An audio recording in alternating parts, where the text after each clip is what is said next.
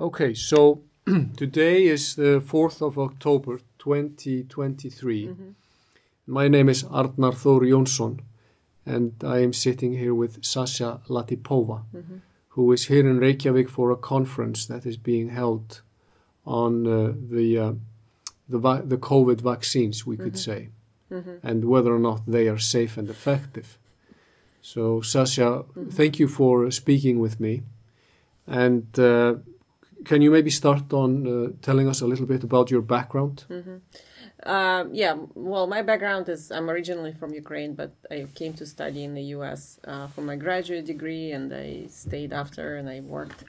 Um, most of my professional life, I worked in pharmaceutical research and development industry um, in various roles, and ultimately I uh, co-founded several. Um, they're called contract research organizations. These are contractors that run uh, clinical trials for pharmas. Pharmas, large pharmas, um, or small ones also, uh, don't do anything themselves. They uh, hire, so they hold IP, and then they hire contractors like us to do all the work. Mm-hmm. And so I, I ran, you know, numerous clinical trials uh, for various companies, about 60 pharmaceutical companies, including Pfizer, um, and several large ones. Um, and so I knew how the how the regulations work. So our job was also to be in compliance with all the regulations. They're very very extensive. So I and I also interacted with FDA many times on behalf of my clients. Um, so yeah, I knew how the industry worked, and I knew what was required. I knew the the compliance issues. Um, and I also was a little bit familiar with mRNA um, platform as it had been in development for many years before 2020 and was never successful.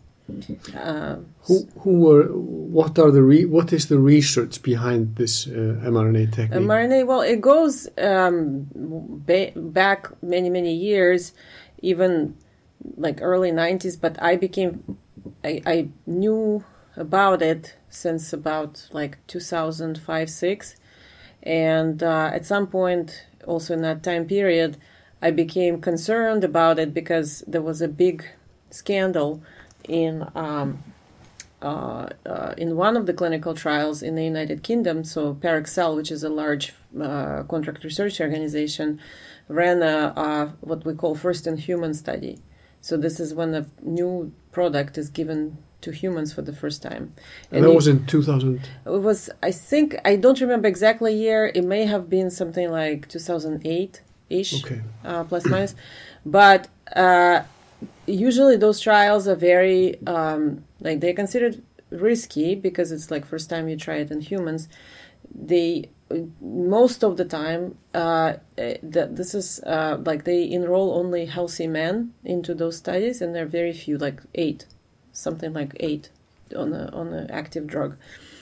And that was the study that they ran. And usually those studies also done what's called in-house or in-hospital. So uh, uh, uh CRO rents space in a hospital near ICU uh, so that they can monitor everything about the person and also have access to ICU if anything goes wrong. And I, up until then, working in the pharma industry, I never heard of anybody dying in a clinical trial, in the, in the first in human clinical study. Okay, but you say that the, the trials had failed. The trial not only failed, they killed two people immediately, mm-hmm. and the rest were severely injured. I don't know if they survived. So and that was a huge scandal. It shook the entire industry because we never, because up until then, uh, all the regulations, all the studies that we had to do, we had to exclude all the risks, all major risks in animal studies and in preclinical like cell cultures and different other experiments to demonstrate that it is okay to give it to a human in a study and we we're not going to kill anybody. And here we go, like in the same industry, all of a sudden we have this um, totally failed experiment where they killed people. So of course I was like, well, what what was it? I need to look up what was the class of the product. Uh, so I looked it up, and it was mRNA. It was a it okay. was a, one of the earlier versions of the mRNA genetic platform, gene therapy. At the time, it was called gene therapy. and so, so you were you became worried when you I, I became, heard that. Yeah. So then I, I looked up at I looked at the com- the company subsequently was sued and went out of business, obviously. uh, and I, I, didn't hear about the company, but I became aware that this is the mm, technology. And at the time, they were only proposing this for very, very severe uh, problems, uh, terminal cancer, or very uh, severe genetic conditions for which there is no treatment at all. Uh, and I thought, well, you know, AI appears very, very risky, but it's for this le- really like severe, desperate situations. Maybe something like this should be developed, and I okay. haven't thought about it afterwards. Okay, so you knew about it. You knew uh-huh. it was risky. Uh-huh. And you thought it will, would only be used for these uh, peripheral peripheral yeah, groups. very very niche, very yes. niche applications, okay. very narrow, okay. very risky. Yeah. But then, when did you hear about them? These this technology being uh, used was was going to be used uh, as a vaccine on everyone. Well, so in, in later in 2020, so after about summer of 2020, they started in the news. They're starting started saying, "Oh, you know, this gene therapy is going to be this new vaccination platform," and then they started Operation Warp Speed and all that. And and at that point, I was like, uh, "I I think this is something is really bad. And I knew I was not going to take it like right away. I was like, I am not touching this. Uh, my family is not touching this. But I was concerned that they're pushing this on the market. So, uh, mm-hmm. so you started your own research at mm-hmm. that point, or? Uh, yeah, no, well, so I, I read, I did a bit of research in terms of like looking at whatever was published in the literature uh, about uh, early treatments for COVID and things like that. But I didn't really start looking at the data until they actually put the this product on the market, the mRNA technologies as vaccines, and then data started coming out uh, after. You know, after the summer, in the fall of 2021, there was a lot of data already accumulated in vaccine adverse event reporting system. So that's when I was able to actually look at the data because before that there was nothing. Uh, and but there was so much right after the launch. There was huge amount of adverse events, deaths reported in VAERS of CDC, and I started looking into that because that's the only public data set that's available. Okay, mm-hmm. so you are confronted with these numbers, mm-hmm. and uh, having worked in this field before, mm-hmm. you would probably have known that. Uh, in uh, every other uh, instance, uh, a drug would have been pulled pulled off the market, -huh. right? Yes. But that didn't happen now. It didn't happen, yeah. And why not? Uh, well, so that was my question. So I I looked at it. There was enormous amount of adverse events. We've never seen anything like this. That that was unprecedented. It was you know orders of magnitude higher than anything I knew previously that would have terminated the product. So before, if you even had a fraction of this, if you had like I don't know, some some products were pulled for 60 deaths and some products were pulled for, you know, maybe two, 300. So something like this. So we're talking about uh, less than 100 or maybe a couple of hundred of severe adverse events and deaths, and the product would be pulled, or at least, you know, a batch of product that's associated with these numbers would be pulled. And none of this was happening. So um, they were not even mm, putting any advisories and not putting any not pulling any any batches of products so i started looking at um, like a lot of people were looking in, in VAERS and publishing on it but i i specifically looked at the batch uh, variability issue um, because i'm familiar with uh, manufacturing for pharma and regulations and um, has batch numbers, so people can report batch numbers. Now, they don't always report them and they don't always have them. Or a doctor may be reporting for a patient and they may not have the, the, the batch information. So it's not always in the report. Uh, and it exists, now we know it exists for about 50% of all reports. So about 50% of all reports have batches. And so that gives you, because there were so many of them, that gives okay. you. The, the Icelandic authorities, just so that you know it, uh-huh. they seem they claim they have not uh, gathered any batch numbers. Uh-huh, yeah. So there is no connection between the adverse events in uh-huh. Iceland uh, uh, and then the, the batch numbers. That uh-huh. that in itself, would you believe that is quite uh, uh, well, is it quite uh, serious or negligence. It's a big negligence. If they're if they're say if they're telling you the truth that they don't have this information, it's huge negligence Yeah.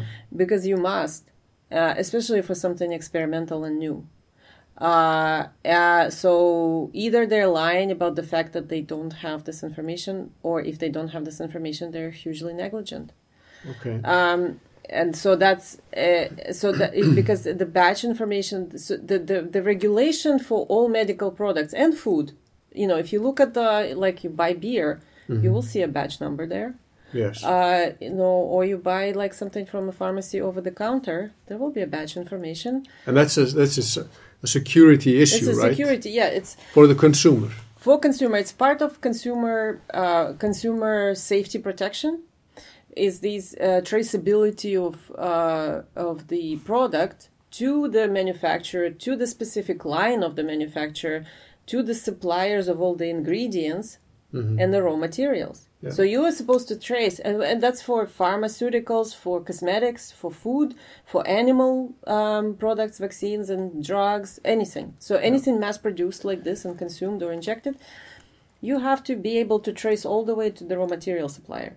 Yes. Uh, and that's part of uh, every manufacturer internal. It's not just the regulators that, that you know, there, there, there are extensive laws that govern this in the Western world. It's called good manufacturing or good distribution, good good clinical practice. We call them, in general, CGXP law. So basically, manufacturing, production, development, all of that, uh, and and that means that you know, so the regulators insist on it. So regulators are in, you know, they have law enforcement uh, power to go after a manufacturer if they're not compliant with that.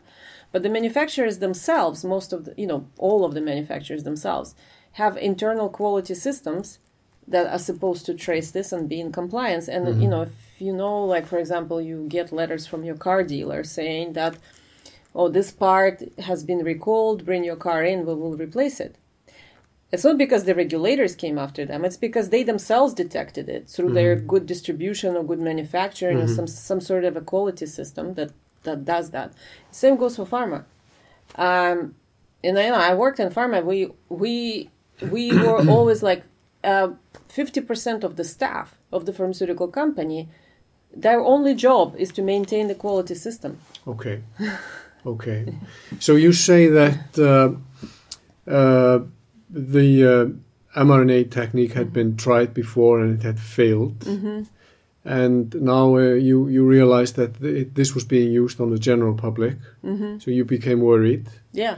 And uh, the response here in uh, in Iceland, at least, is that the, the, the doctors that have been asked, they say, well, uh, this is a tried and uh, tested technique. So your response to that would be that it has been tried and it has failed. It failed every time. It has never. It. it it's never demonstrated. Um, they've never demonstrated safety for it. The, I'm, I'm aware of numerous failures, including deaths of people in clinical trials, Yes. but they've never they've never demonstrated safety. Uh, and also from the batch uh, analysis, I became aware that they were not even able to produce or manufacture what they're saying that they're manufacturing. Okay. So that is serious uh, news for those who have uh, believed what the uh, governments have been saying about these these this, these drugs. Right. Uh, so, uh, what explains the uh, the the way that this was basically uh, uh, forced almost on the general public? What could explain the uh, this enthusiasm on part of the uh, the governments to right. So, so yeah so that, that that was that was my question that i couldn't answer for a long time until i read Katherine Watt's analysis of law. And so for the us law is at least I, my answer my, my question was answered. And later we found that this is analogous to the to what they've done in the european law. Um, but in the US, what they've done is um, over a long period of time, starting in about um, late 80s or mid, mid to late 80s, they put in a in a structure which allows for um, products that they, in theory, call pharmaceuticals, but they don't have to follow any of those consumer safeguard protection laws, such as good manufacturing or good distribution or pharmacy distribution laws, and um, or traceability. Uh, and they call them countermeasures. Against what? Uh, well, countermeasures is a, it's a very fuzzy term uh, in law. Uh, because countermeasure can be yes against anything and uh, like you know we have a lock on the door it's countermeasure against breaking in Mm-hmm. uh, and uh, you know so just about anything can be called a countermeasure and specifically this is a military term uh, because the u.s department of defense um, i guess i don't know if they started it but they they're extensive user of it. And uh, this is how they typically buy weapons or order them from uh, private company like suppliers private companies. And um, this is a way for them in conjunction with other things such as um, like how they buy weapons is, is very opaque. Like they don't they don't want to use transparency or accountability or disclose many things about it and they want to be able to order and pay whatever they like to these private companies to produce weapons. You could say okay this may be justified because they don't want a disclosure that you know our enemies shouldn't know what kind of weapons we're making right? Yeah okay maybe uh, but over time they they started using the same structure to now purchase pharmaceuticals and uh, other products diagnostic products um, testing genetic testing all sorts of things that are in theory related to health and not supposed to be weapons and call them countermeasures and use the same practices for buying these things. Um, and then um, in uh, 1980s uh, in the US they put in the law about public health emergency. So prior to 1980 there was nothing in the US law or constitution that um, anticipated something like a public health emergency nationally right? So nationally because us is a huge country spans a continent um, and has all sorts of climate zones, geographic zones, um, cities, rural areas. People um, live in different different ethnicities, different types of environment. Um, there isn't ever a possibility of a public health threat that affects the entire country. Mm-hmm. It just doesn't exist. You can't. I mean, it's a huge it's a huge area. There's nothing that can potentially affect it, and Constitution never anticipated anything like this uh, because it was always about um, balanced three branches of government and people people's rights bef- above the government and the government serving the people and you know so this this whole structure never anticipated anything that could capture all of this under some kind of a pretense of a public health Mm-hmm. uh, but yet then in the 80s under reagan they they put that law in saying that we can announce public health emergency uh, and then that also that law also uh, kind of collapsed the three branches of government into one executive. So getting rid of legislative getting rid of judicial or just getting rid of their power to do anything about this. And then saying in this situation of when we announce public health emergency then the health and human services which is like a health department health agency in the executive branch starts ruling uh, and, there, and, there are, and then there are there, then there aren't any constitutional breaks anymore. No, there are no any constitutional breaks because so then HHS secretary becomes like a de facto dictator, and uh, all executive branch contains HHS and Department of Defense, and they kind of like start working together. And in in practice, so while in theory they're saying it's all about public health, Mm. but in practice it becomes like a martial law Mhm. because it, it has the same effect as announcement of war on U.S. territory, which would also suspend the uh, normal function of Congress and normal function of judiciary. Okay, so they're saying then, let's say that there, there's they're saying that there's a public health emergency, and then these vaccines are supposed to be the countermeasure. Right. So they're saying we have a public health emergency, which which is equivalent of announcement of war. Then we're going to use countermeasures, which is equivalent of how Department of Defense buys weapons. Mm-hmm. And then the third part of all of this legal structure is the shield. So they use the shield, which is in 2005, they put in place what's called PREP Act. Uh, PREP Act is a way to absolve anyone uh, who is using countermeasures under public health emergency from any liability if they if this use of countermeasures results in death or injury. So uh, and also further than you know further than that, while while we haven't found an equivalent of a PREP Act in in European law or EU law, um, uh, we can cover that later. That was they they did that through the contracts, uh, but in the U.S. Uh, they just have this PREP Act that uh, then Health and Human Services even further like um, interprets as a license to kill. so they they issued uh, throughout 2020 and 21 they issued a number of um, legal opinion letters that they sent to um, healthcare providers, vaccinators all over the country, uh, explaining to them how to stay how to stay within the coverage of this PREP Act, how to stay within the coverage so that they uh, are protected for liability reasons, mm-hmm.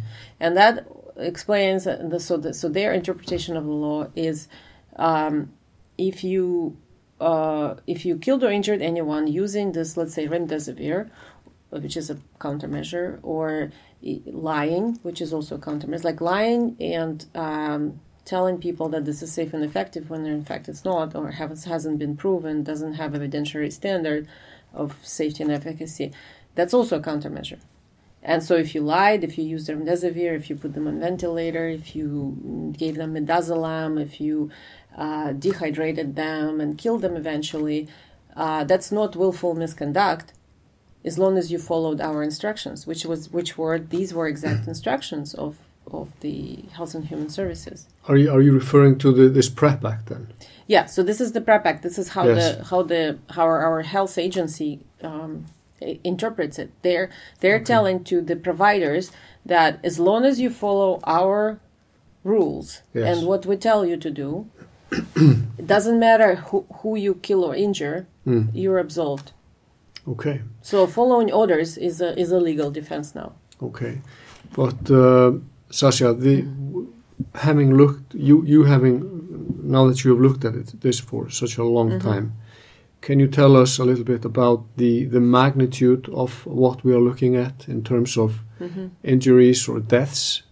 Oh yeah, yeah. So so the injuries or deaths, uh, there are some good estimates. I, I personally haven't done those calculations, but there are some many many good statisticians and, and epidemiologists that look at the data and they estimate the impact, and they're they're uh, pretty much consistent across the world. Uh, uh is like one in eight hundred doses of vaccine is deadly, like they kill one in 800 approximately.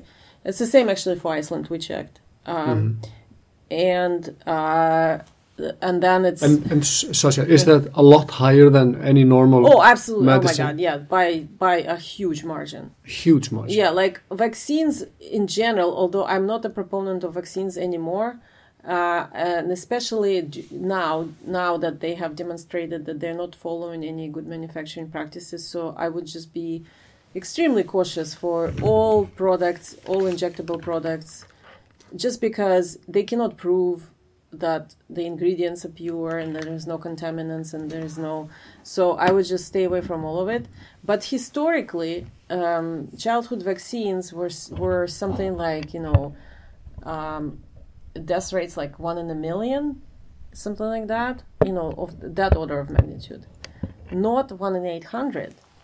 And especially if, you, if I tell you, you know, especially this is in, in, in context of man, mandating vaccination or forcing people to be vaccinated mm-hmm. for travel, for work, for school, mm-hmm. pregnant women, you cannot force somebody to take a lottery of you know you got you have a chance of dying one in 800 when you face no risk otherwise. and And that was especially serious for young people, healthy young children, people. and for children, right? And for children, they have absolutely no risk. You cannot mandate, well, you cannot mandate medical interventions, period, under no circumstances. yes, There's because no of just b- bodily autonomy Well, and, because, and yeah, yeah, you're not a slave. constitutional rights. Yeah, you're not a slave. You're a free Yes. person. Nobody can tell you what to do with your body. so your body is your own God given body. Yes, So no medical intervention can ever be mandated, period. Now, when people start saying, oh, but there was a risk, but this and that, that, that, children never faced any risk. Um, uh, pregnant women are, are not supposed to even like eat sushi, okay? That's considered risky. so, uh, so, uh, you know, some doctors say, well, don't, don't drink coffee when you're pregnant, don't drink tea. You know, that's risky. but still they were urged to go and have the vaccine. Yes, but they're they're forced to go this to have this medical intervention pushed on them, which has one in eight hundred risk of death. Now, and was no there was no data at all about uh, pregnancy, um, you know, effect on the baby, effect on transmission, and now we know that of course all of this happens. There is shedding, there is transmission through placenta, there is transmission through breast milk. Uh, there, there are genetic defects, huge genetic defects. Their miscarriages are huge. Um, I, I, I myself calculated data from um, another database that uh, you know since CDC since abandoned, but it was a large database was called VSafe, and I found that the miscarriage rate was over eighty percent, over eighty percent. It's almost as good as Plan B, you know the, the emergency contraception. It's almost as efficacious as that. Wow. So That's horrible. yeah, So these these are these are the Mm-hmm. numbers that are pertaining to deaths, and Uh-huh. then we then we have yet to cover Mm-hmm. uh, the numbers that have to do with just injuries, yeah, and which are quite serious as well, right? Yeah, injuries are huge. So uh, that's you know um, there also like other people have done really good job about uh, data analysis. But what I personally looked at was also VSafe database. VSafe was it was different from theirs. It was more it like at the beginning when they were rolling out the vaccine, they gave people a phone app um, to self-report um, adverse events and um, and then they, they did some publication that, that data also became available publicly there was FOIA uh, and there's some analysis done on that. So in that database uh, people there were there was a rate of about like over 10% uh, people had to go to ER or hospital for some reason and that's that's serious that's very So serious. so are we looking at, a, at, a, at the numbers are such that you we are talking about one in eight hundred would be uh, instances of deaths, death and then one in one in uh, 10 one in ten would have some sort of an injury. Injury, serious injury, like Serious injury. serious in the short term. And when Okay. this is just short term Wow. because then they abandoned that database for, uh, after a few months. Yeah. Uh, and so then in the short term, like people had to go to ER or hospital with some sort of a severe thing, and that was like millions of people in the U.S. alone. So uh, uh, that's just, I mean, insane, insane rate uh, of of adverse events. And now since then, we also know. I mean, there's there been good publications. Disability rate went hugely up in the U.S. Um, the life insurance payouts went uh, astronomical, especially in the third quarter of 2021, like in the um, because the the employment based mandates went in force like after the summer. Initially, they were not forcing; they were just advertising, creating this whole uh, narrative of how wonderful it is and how like in short supply and go get vaccinated. So like a lot of people went in voluntarily, but then that they started going down and they started forcing. So they started forcing through employment um, around the summer and and and then in third quarter, so like fall of that year, we have huge increases in um, life insurance payouts, and those are em- like employment based, meaning for people who are less than 65. So this is younger people dying. uh, and um, yeah, so that was a big effect. Uh, also, I remember that you know at some point myself and my colleagues we ran a very simple analysis in also vaccine adverse event reporting system to correlate um, deaths with day of the week, and turns out uh, there's a perfect correlation between the day of the week and the deaths. Uh, most of the deaths happened within, so they, they all happen on the same days because all of the vaccinations were scheduled through apps and various like emails and things, and mm-hmm. uh, they were all scheduled on Wednesday or Thursday. Uh, so they would push people into the same time slots on the same days to create huge lines. Mm-hmm to create huge lines around vaccination centers so that when you go there for your appointment, you see this big line. And I, and I was told the same was in Iceland. Yes. So they would like send, uh, you know, the text message to, oh, you, this is your appointment on this date. And they send them all on the same day. So you come in and there's like a line, a mile yes. around, and you think, oh my God, this is such a huge demand. Everybody must be vaccinated and they're running out of doses and just create this panic so that people would comply. And then all the deaths, because they happened so quickly right after, there's a huge spike of deaths right after. How all, many days after? So the so many deaths. So there are ma- several peaks. So the first peak of deaths is within uh, seven days. Yeah. So that's why we correlated them very well with the day of the week, and, and then we found out that all of them were scheduled Wednesday, Thursday. Um, and uh, yeah, so the first huge peak of deaths is seven days. Even within the same day of vaccination, there were something like 4,500 deaths in VAERS. So 40 in, in in like 18 months or so, to, you know. So within 18 months, over 4,000 people died on the same day they were injected. And still, there was no stopping was, this, this, And there was no stopping. No. No, and and they would all deny that. This this this is this is as as much evidence as you need. And and then and then people and then gaslighting tactic is oh because they all had covid. It was just not diagnosed and then they died. And i'm like okay if somebody if somebody is about to die today you know you would know right? You they mm-hmm. would be really really ill. Like mm-hmm. it would be really bad they'd be in icu or just like near death. And you would know if somebody is about to die today. So the, what was the reason to vaccinate them? Mm-hmm. Yeah Yeah, so we have a, we we have the numbers now. Uh-huh. We have the you know that point to of course serious adverse you know, effect mm-hmm. and that it was not safe and not effective. Mm-hmm. But still this continued and continues to this day. This is October mm-hmm. 2023. Mm-hmm. And uh, according to the newspapers yesterday in Iceland, they are now starting uh, to uh, to uh, to uh, recommend this for uh, certain groups uh-huh. that they come and get their boosters. Uh-huh. Uh, what what would you how would you describe such uh, behavior on behalf of the state? It's criminal. In it's my, criminal. In my opinion, it's criminal because again you know, people also saying, well, you know, but you can't prove intent because you don't have their signed confession that they really mean to kill somebody, and you also you don't know what's what's their state of mind, and the, and it's you know in the criminal justice it's very high bar to prove criminal intent and premeditation. I'm like the criminal intent comes from the fact that for three years they're they're denying, they're denying any of this is happening they see it, they know it. They're not stupid. They're professionals. They have data. They they know the batches. They're just telling you they don't. Uh, and they they have all this at their fingertips. Okay. But they continue denying, which points to the intent. Mm-hmm. Serious considerations. Mm-hmm.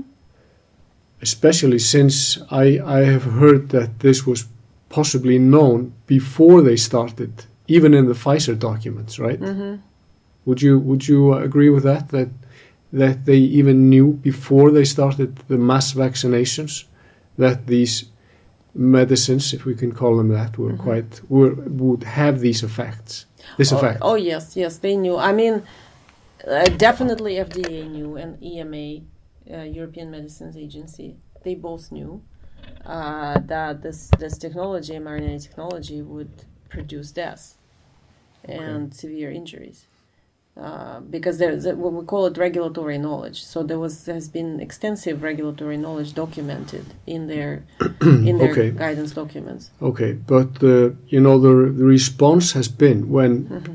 when people have said here in this country they have said, well, uh, it has turned out that uh, these uh, drugs have led to deaths and injuries. Mm-hmm. Then the response on behalf of the medical professionals has been, well, the uh, these medicines have saved millions of lives all over the world. How do you respond to that? Yeah, so that's a that's that's a lie. They're just repeating the same narrative that they're they're fed from the um, um, propaganda propaganda outlets that design the narratives, and they, they're, these are linked with intelligence and military.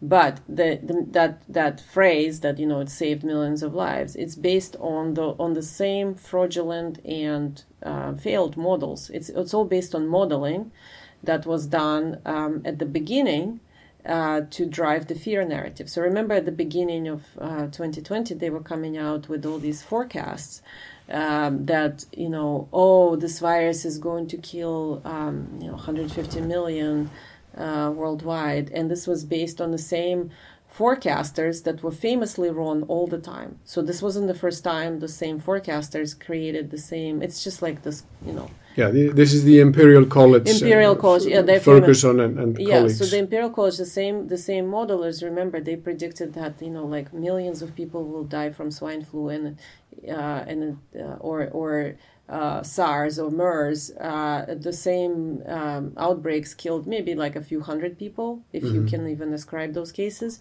So they would forecast, they'd forecast historically like millions or 150 million or, or, or 50 million, and then you know the, the real the real number comes out to be 100 or 200, something like that. And they continue. Nobody fires them for being wrong. They get more grants, more money to come up with the same BS models. So this is the same Imperial College modeling. Now never came true, and now they use that modeled modeled number yes. to say that they saved all these people. Okay, so Mm-hmm. you are you uh, you are basically saying that there are no numbers, no res- there is no Mm-hmm. research behind these uh, statements. There's no research. There's no no numbers. If you ask them to ask the same doctor who is telling Okay. you it saved millions of lives, Yeah. please produce the paper. Okay, so Mm-hmm. but then for the listeners, if if if they wish to look up um, Mm-hmm. research and data on what you are saying, Mm-hmm. uh, where would you uh, point them to? Well, for my own research uh, or my own um, uh, backup and, and, and documentation, uh, I, I write on Substack. Uh, it's a it's a like self-publishing uh, platform. Uh, so I write on Substack. My publication is called Due Diligence and Art, or you can just look up my name .substack.com,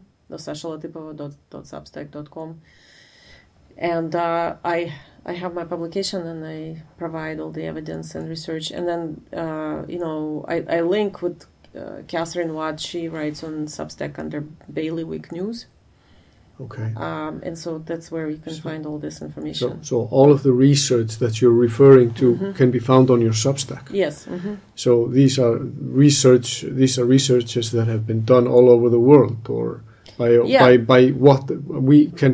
As far as I can see, Mm-hmm. uh, there have been now written more than three thousand uh, peer-reviewed articles on the uh, vaccine injuries and adverse eva- events. Yes, exactly. And I, I don't write as much about vaccine injuries and adverse events because I, I think that other people have addressed it very Okay. well. So your main focus point would Mm-hmm. be the what? The so my main main focus point uh, is is this military operation, the Okay. subversion of law.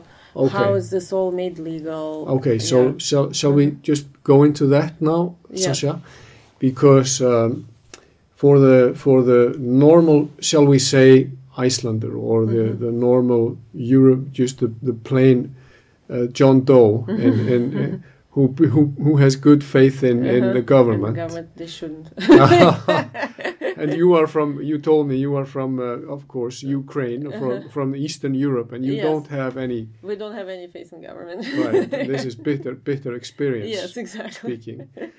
Uh, but the, we here in Western Europe and perhaps in the States, we still have um, some uh, some faith in, Mhm. in the government. So Mhm. therefore, we perhaps uh, put some blind trust in them when they Mhm. tell us that there's a health emergency. hmm So when you say uh, to just a normal person on the street that this was a military operation, hmm uh, I would think uh, a lot of them would basically close their uh, eyes and ears and Mhm. say, well, that must be a conspiracy theory.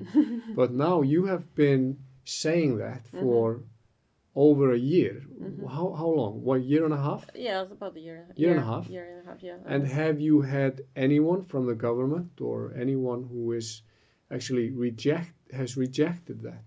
No, no, No. no, Nobody, nobody disputes this uh, because uh, they can't because it's part of the uh, their own disclosure documents. So the Department of Defense and Health and Human Services have released a lot of documents based on FOIA requests and and lawsuits um, confirming this.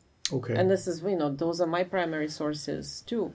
Okay. So so for Mm-hmm. those who are interested, they can go onto your uh, Substack Yeah, and and find that. yeah, they can There. find this information. So uh, what would be the main source of of uh, this information?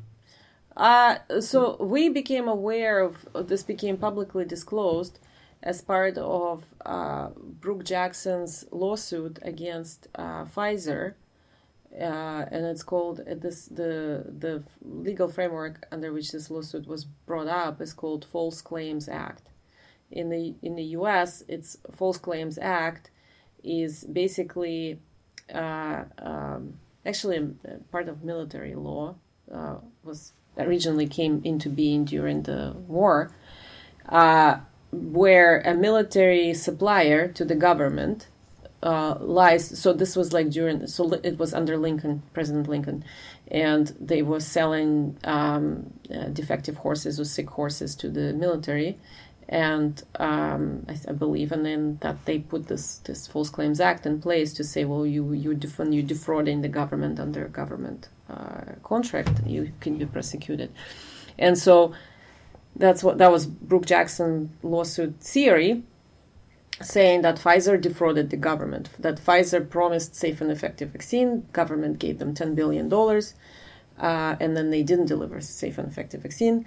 And um, Brook Jackson, in particular, she was uh, she was a manager in the clinical trials uh, that were running Pfizer clinical trials, and she observed personally a lot of instances of fraud, data manipulation, uh, mishandling of uh, clinical trial subjects, and she complained about it. And she complained up the chain, eventually to the FDA, and she was promptly fired after that. And then she started suing since since then.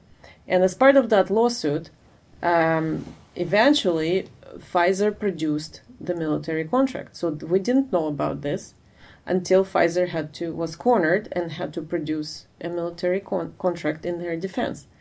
And their motion to dismiss or their defense argument was that you know we didn't defraud the government because the government hired us to do a demonstration. Okay. So Mhm. this is these uh, documents are out in the open now. Yeah, they're out in the open. So that's when they brought it up and they said this we were hired to do large scale manufacturing demonstration Okay. uh, and a prototype. And so, you know, we, we because demonstration by definition is fake, we didn't defraud the government. We just delivered what they ordered. Okay.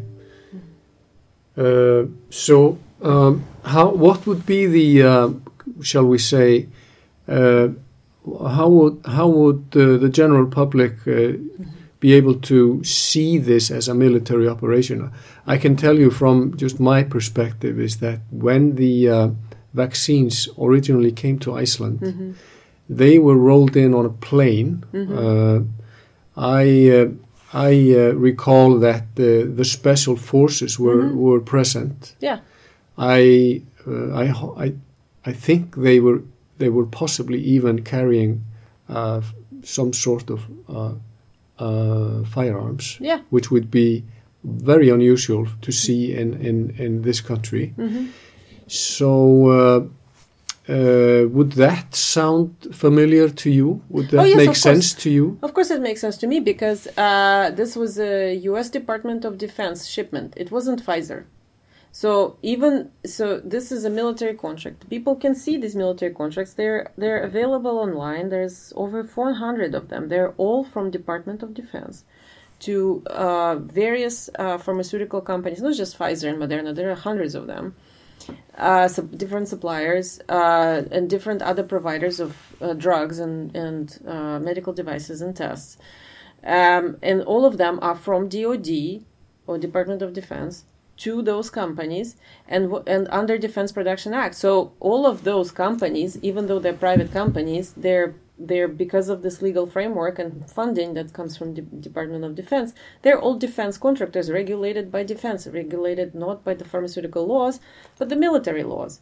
And once they produce, and this is all production of weapons. Once they produce the weapons and they ship them outside of the U.S., uh, it's Department of Defense shipping to the whatever qualifies for Department of Defense in Iceland, which means that these guys, special forces, have to show up to receive them, and not a pharmacy distribution network, uh, which is a you know So, civilian- so would there have been made uh, a contract between the DoD and the states and whatever would uh, qualify as that in Iceland before it was sent? Um, maybe, maybe, maybe it is. Maybe, maybe they don't. Maybe it's just a verbal. Maybe it's through NATO. I so I Yeah. know, like in in um, Germany, for example, that was through NATO. Through So- NATO. NATO, yeah. So like, uh, it was shipments from. So, so and and and what I'm saying is, it's not that the like a military DoD truck will or plane will fly and, and deliver it. They can use civilian private companies, but under contract they become defense contractor. So, like for example, in the U.S., these products are distributed by McKesson, which is McKesson is a pharmacy distribution um, company, and they distribute all kinds of drugs in the U.S., normal pharmaceuticals. But and people saying, well, no, it's McKesson distributing them, and I'm saying, well, it doesn't matter that it says McKesson on it. What matters is who pays and under what contract. McKesson can play different roles. McKesson can be a civilian pharmacy distributor regulated by the state of California, or on the next day, under this contract, they become federal defense distributor. And those are just different rules apply. and so Okay. the same happens here. It may have been flown by a private uh, company, but because the military received it, it means that they received the weapon. Okay. So, uh, even if this was to be presented to Mm-hmm. the listeners, uh, many of them, I suspect, would still say, well, this is some sort of a conspiracy theory. That is the phrase being used, of course. Because they don't want to read themselves. no, they don't want to read it, and they they want, as the monkeys, uh, you know, the picture of the monkeys who don't want to see any evil or, or Yeah. hear any evil. Yeah. They, they don't want to hear it. Uh-huh. So, uh, but so what? I mean, what is what what is your reply to people that still confronted with all of these documents that you are referring to Yeah. continue to say that this can't be? This is a Mm-hmm. conspiracy. How would you refer to them or, or reply to them? Well, you know, like I mean, um, I I can't make them see. Like I I can show them things, but I cannot make them see or hear. Or I can tell them things, but I cannot make them hear. Yeah. Uh, you know, it it is really um, you know, so as I say, uh, your your enslavement or liberation depends on you. It's not something external that happens. You either submit and become a slave, or you decide to think for yourself, in which case you will have to open your own eyes and ears. Okay. Like nobody can make it for you. Right. So, but um, if we look at the um, if we look at the causes behind all of this, uh, some would say, well, then we would have to follow the money. If if there are financial Yeah. uh, reasons behind this, or or whether this is perhaps uh, from another route. Uh, I mean, is it is it uh, just uh, an, a power grab, or or, or is it uh, an enslavement uh, procedure, or what what is going on? Wi- in your view, Uh, what is the uh, the best explanation? Is it a, is it is it uh, to follow the money? Is that the, the best way or? Usually, yes. I mean, uh, well, following the money is a, is a very good method to identify who benefits and who isn't, who is behind particular uh, actions. And so, right, so following the money, it becomes pretty obvious uh, pretty quick that there are huge uh, private financial interests behind all of this. Uh, uh, they're not the governments. So some people start saying, you know, it's it's it's a mistake to say that oh, it's just a pharma company.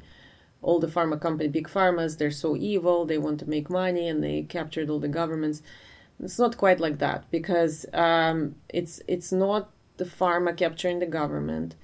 Uh, it's them colluding with the government, but on behalf of the private interest. It's not. Um, the, so the governments have been captured by uh, private cartels. By private cartels, I mean uh, very rich families, um, like Bill Gates Foundation, obviously hugely behind this. They've invested in all of these pharma companies.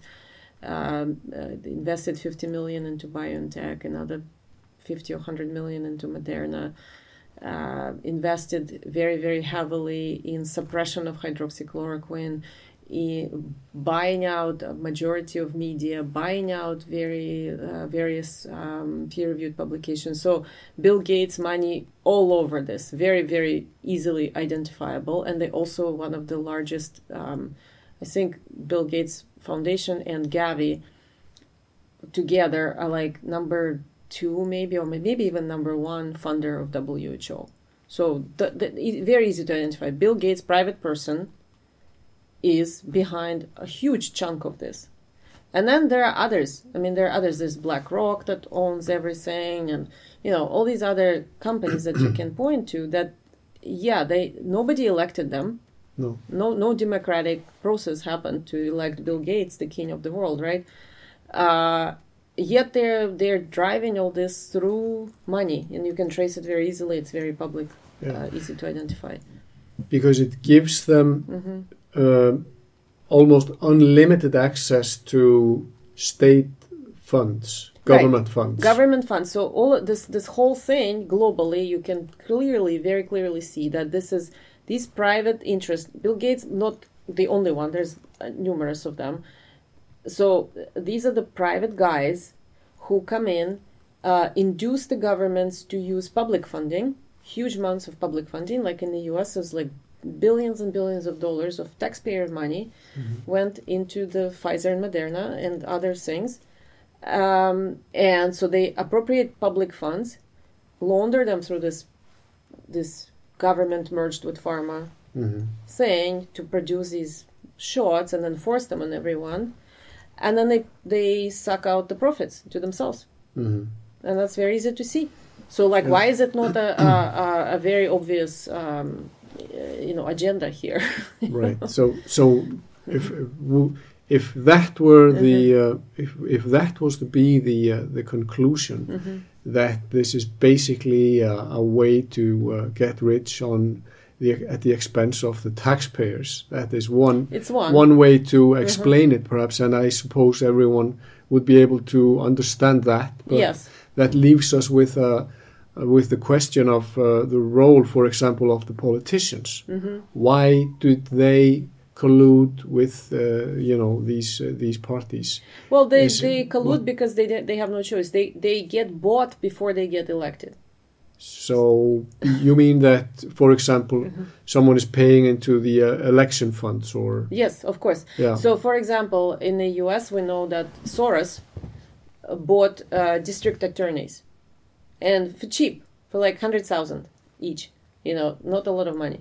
So he bought a whole number of key district attorneys in key, locations, like San Francisco, for example. San Francisco district attorney, completely bought by Soros. It's it's even public information. Nobody's hiding this, uh, and they just do what Soros tells them to do. For example, don't enforce uh, any law. Uh, the shoplifting is legal. Uh, uh, the, the the homelessness is legal. Everything is so like because Soros owns them and they dictate the agenda, the, the woke agenda. Okay. So, so that's so, how that's how they do it. They just buy stuff. Uh, politicians are apparently very cheap. Um, okay. So you say that documents on him buying district attorneys are available on the internet. Uh, yeah, so there, a lot of people wrote about it. He just basically gives them uh, money for. So he came up with the brilliant idea that uh, elections of district attorneys, uh, small events, uh, because yeah, they're local. It's like one city, you know, Yeah. or one one county. Uh, so they're small events. Uh, not a lot of money needs to be spent on the campaigns, and you can buy a district attorney. And the um, the law is not the law that's written; it's the law that's enforced or not enforced. Right. right? And that's how you that's how you affect change.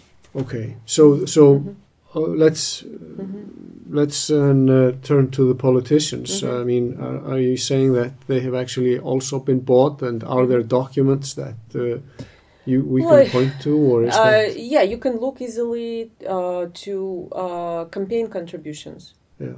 so like election campaign contributions in the us it's public information and again you can see who the the biggest uh, contributors to the campaigns and very clearly they follow the same they follow the interests of those uh, who gave them money Mhm. Uh, so that's just the money money trail, right? Yes. Uh, but then there is also power grab, and um, that's a more that's a more severe issue uh, because now that we see this whole like globalist government developing through again through uh, pretense of uh, public health issues.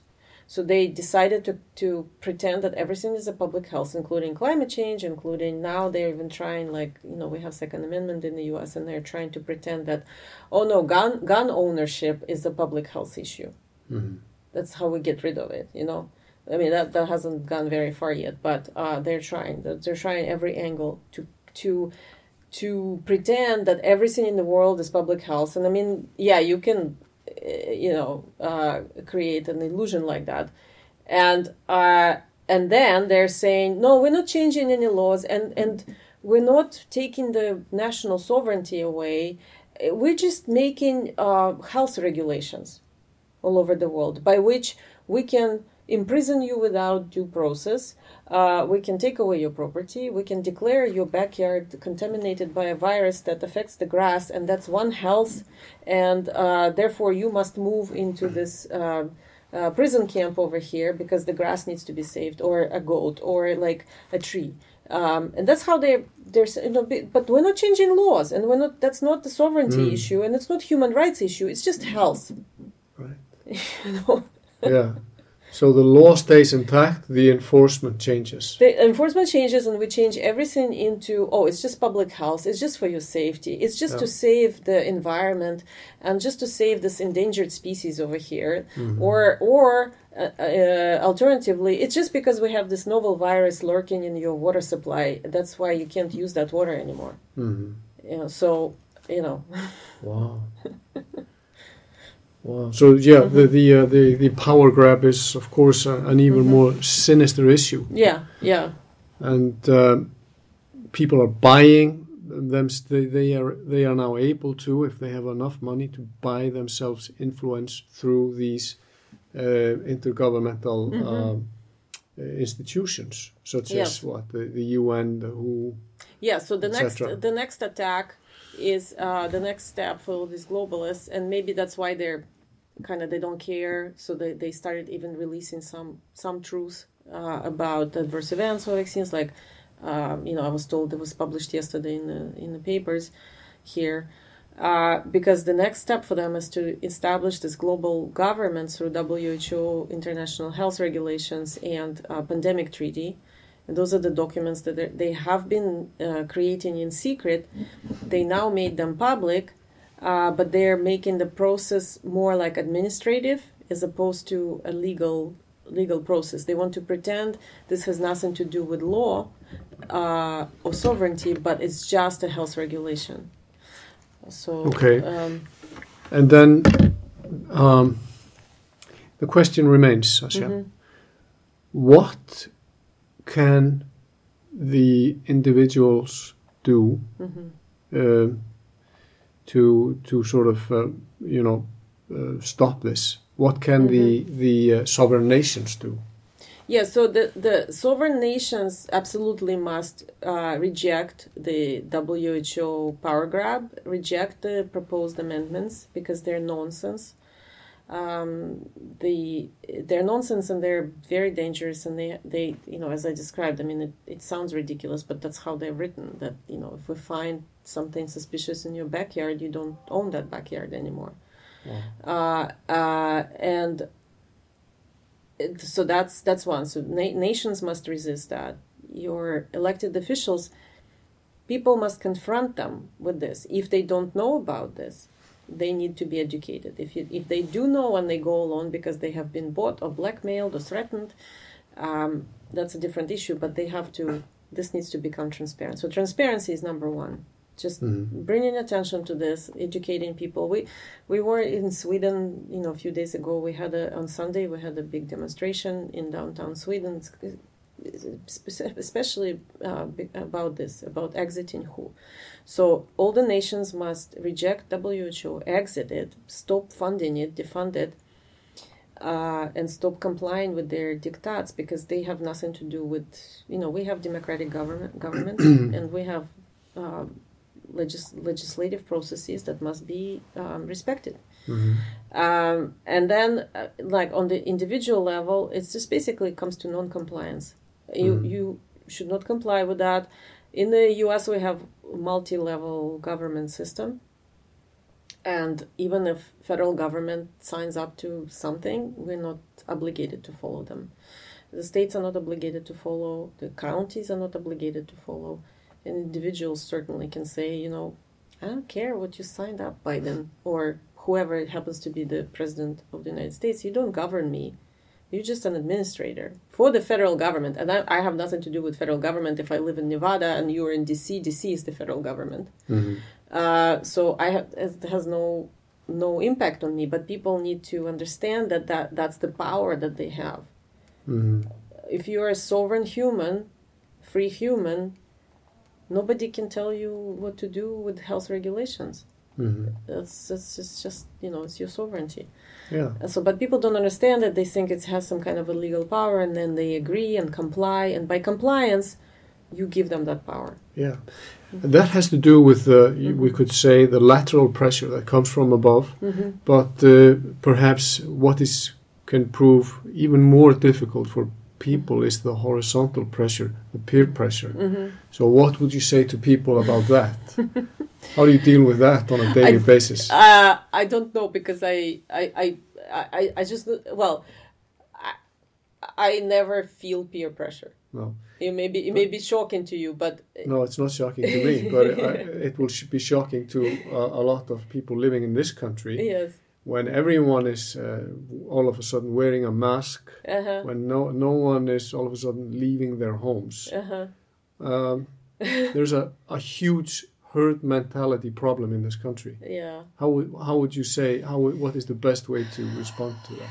Yeah, I mean it's it's it's it's hard also because you know culturally I'm you know I, I don't I'm not Icelandic and. Uh, you know so i can understand differences and people have been growing up in some sort of you know this kind of culture and you know i respect that. But you have to come to a conclusion at some point that you know we were just talking about it. There are um, in the, in the human society there are always people who go alone and people who challenge right? and there's you know there's usually fewer there's smaller percentage of those who challenge and larger percentage that go alone. Uh, there are good reasons to have both and if if if there was bad reason to have these kinds of qualities they wouldn't exist over you know they would have been eliminated long ago. Now because we have them and we know that they exist it means both are good. Okay so both are good and both are valuable. Most of the time when we have conditions of peace and prosperity the going alone is very good. It mean creates cohesion in society and harmony and uh, makes people collaborate and work together and you know build new house and you know make a farm whatever. Uh, but in the bad times the people who don't go alone become more valuable to the society. So uh, because they can see the danger before everybody else and they can warn others of that danger. So i'm saying like to understand this and if you are you know one or the other you have to understand that you need to respect both and I'm just telling to those who comply and go along, maybe it's time to listen to us. Mm-hmm. Okay. So finally, Sasha, mm-hmm. I think it would be good for us to have a, a statement from you that there is no conflict of interest or anything like that. that you you explain to the listeners that uh-huh. what where you are coming from, that uh-huh. you have no financial or, wha- or whatever. No, no. Yeah, I am just I'm representing myself. I I flew here on my own expense, by the way. like nobody paid me to come here, uh, and uh, yeah, so I paid for my own trip. Uh, I was graciously graciously, you know, the organizers provided hotel, but that's it. Uh, and uh, I don't represent any company. I don't have any, you know, I just write my own Substack, and that's about it. you know. Okay, great. Fantastic, Sasha. Thanks for uh, the interview. Yeah. Wish you luck. Thank you. Thank you. Bye bye.